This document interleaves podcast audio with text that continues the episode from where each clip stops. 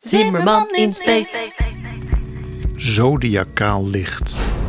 Misschien heeft u het wel eens gezien, misschien ook niet. Oké.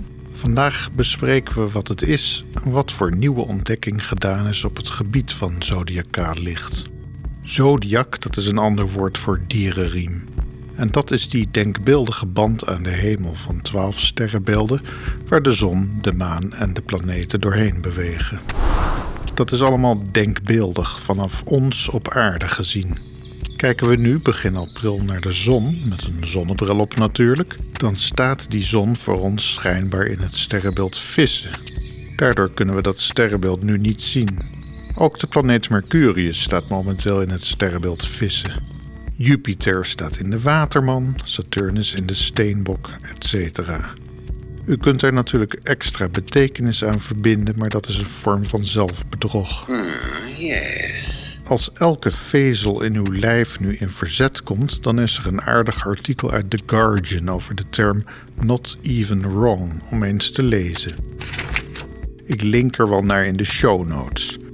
Maar goed, zodiac, dierenriem, een denkbeeldige streep aan de hemel waar we de schijf van objecten in ons zonnestelsel grotendeels zullen aantreffen. Zo ook het zodiacaal licht. Dit is een lichtverschijnsel dat u onder zeer goede waarneemomstandigheden soms kunt zien. Het kan het best worden waargenomen in heldere nachten boven een vlak oppervlak, bijvoorbeeld een meer of de zee, aan de westelijke hemel in de lente vlak na zonsondergang of aan de oostelijke hemel in de herfst kort voor zonsopkomst. Zodiacaal licht is dan waarneembaar in de vorm van een kolom van licht die lichter is aan de horizon en doorgaat in de richting van die dierenriem, de ecliptica. Hoe dichter bij de zon, dus bij de horizon, hoe helderder het zodiacaal licht is. De deeltjes die oplichten zijn in werkelijkheid uniform verdeeld langs de hele ecliptica, maar we zien alleen dat wat vanuit ons gezien goed door de zon wordt verlicht. Het zodiacaal licht wordt ook wel eens een valse zonsopkomst of zonsondergang genoemd. Nauw verwant aan dit zodiacaal licht is iets wat we Gegenschein noemen. Dit zijn dezelfde stofdeeltjes in de ecliptica, maar dan precies tegenover waar de zon staat. De eerlijkheid gebiedt mij te bekennen dat ik de Gegenschein zelf nooit bewust heb gezien. Het zodiacaal ligt wel eens, maar toen was ik nog heel jong. En het is verrekte lastig om te zien in dit lichtvervuilde Nederland. Maar wellicht is het iets wat u op vakantie eens kan zien. Als u bijvoorbeeld een vakantie aan zee geniet en net de zon heeft zien ondergaan boven de horizon. U denkt terug aan die malle tijd dat we niet eens 's avonds naar buiten mochten gaan en geniet van een kraakheldere nacht die aanvangt. U proeft nog de massa knoflook die klaarblijkelijk in uw fantastische zeemaaltijd zat, gemengd met witte wijn en safraan. Een laatste meeuw houdt deze dag ook voor gezien. U herkent de planeet Venus die helder boven de zee hangt en vanavond dienst doet als avondster. U lacht er schamper om, want u weet dat het geen ster is. U luistert immers naar Zimmerman in Space. Maar dan ziet u toch echt een kolom van licht, helder aan de horizon, strekkend tot dat punt waar planeet Venus straalt. Fantastisch, u staat oog in oog met het zodiacaal licht. Maar het wordt ook een beetje fris. En u heeft alleen maar een polo-shirt aan. Tijd om terug te gaan naar de hotelbar. Nora Jones, een ober die een glas afdroogt. Zoute pinda's en misschien nog een 12 jaar oude Glen Morangi die op sherryhouten vaten heeft gelegen. Oké, nu weten we ongeveer hoe het zodiacaal licht eruit ziet, maar nog niet wat het is. Er bestaan oude geschriften die melding maken van zodiacaal licht. Zo zijn er islamitische zegswijzen die het onderscheid maken tussen zonsopgang en de valse zonsopgang, oftewel het zodiacaal licht. De eerste wetenschappelijke mijmeringen over zodiacaal licht vinden we in de 17e eeuw van de hand van Cassini. In 1854 bracht een Deense astronoom, Theodor Brorsen, het zodiacaal licht en de Gegenschein met elkaar in verband. En pas in de vorige eeuw werden deze subtiele lichtverschijnselen verklaard door stofwolken in ons zonnestelsel.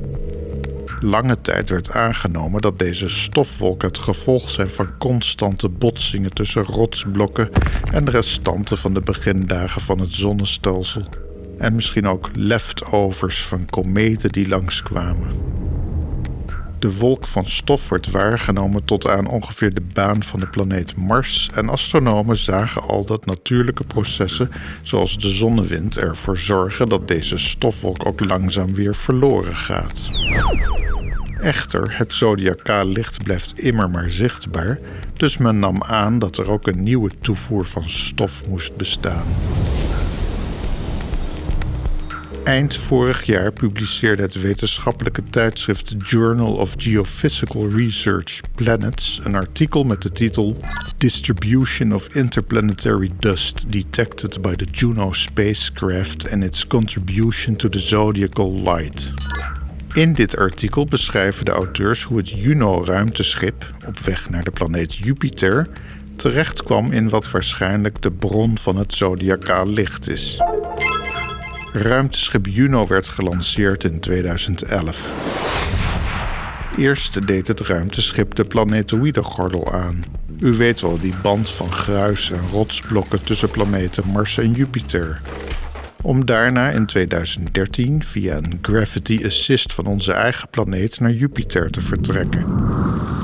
Tijdens dat eerste deel van de reis was de hoop gevestigd op het ontdekken van onbekende planetoïden, maar in plaats daarvan kwam Juno terecht in een interplanetaire zand- en gruisstorm.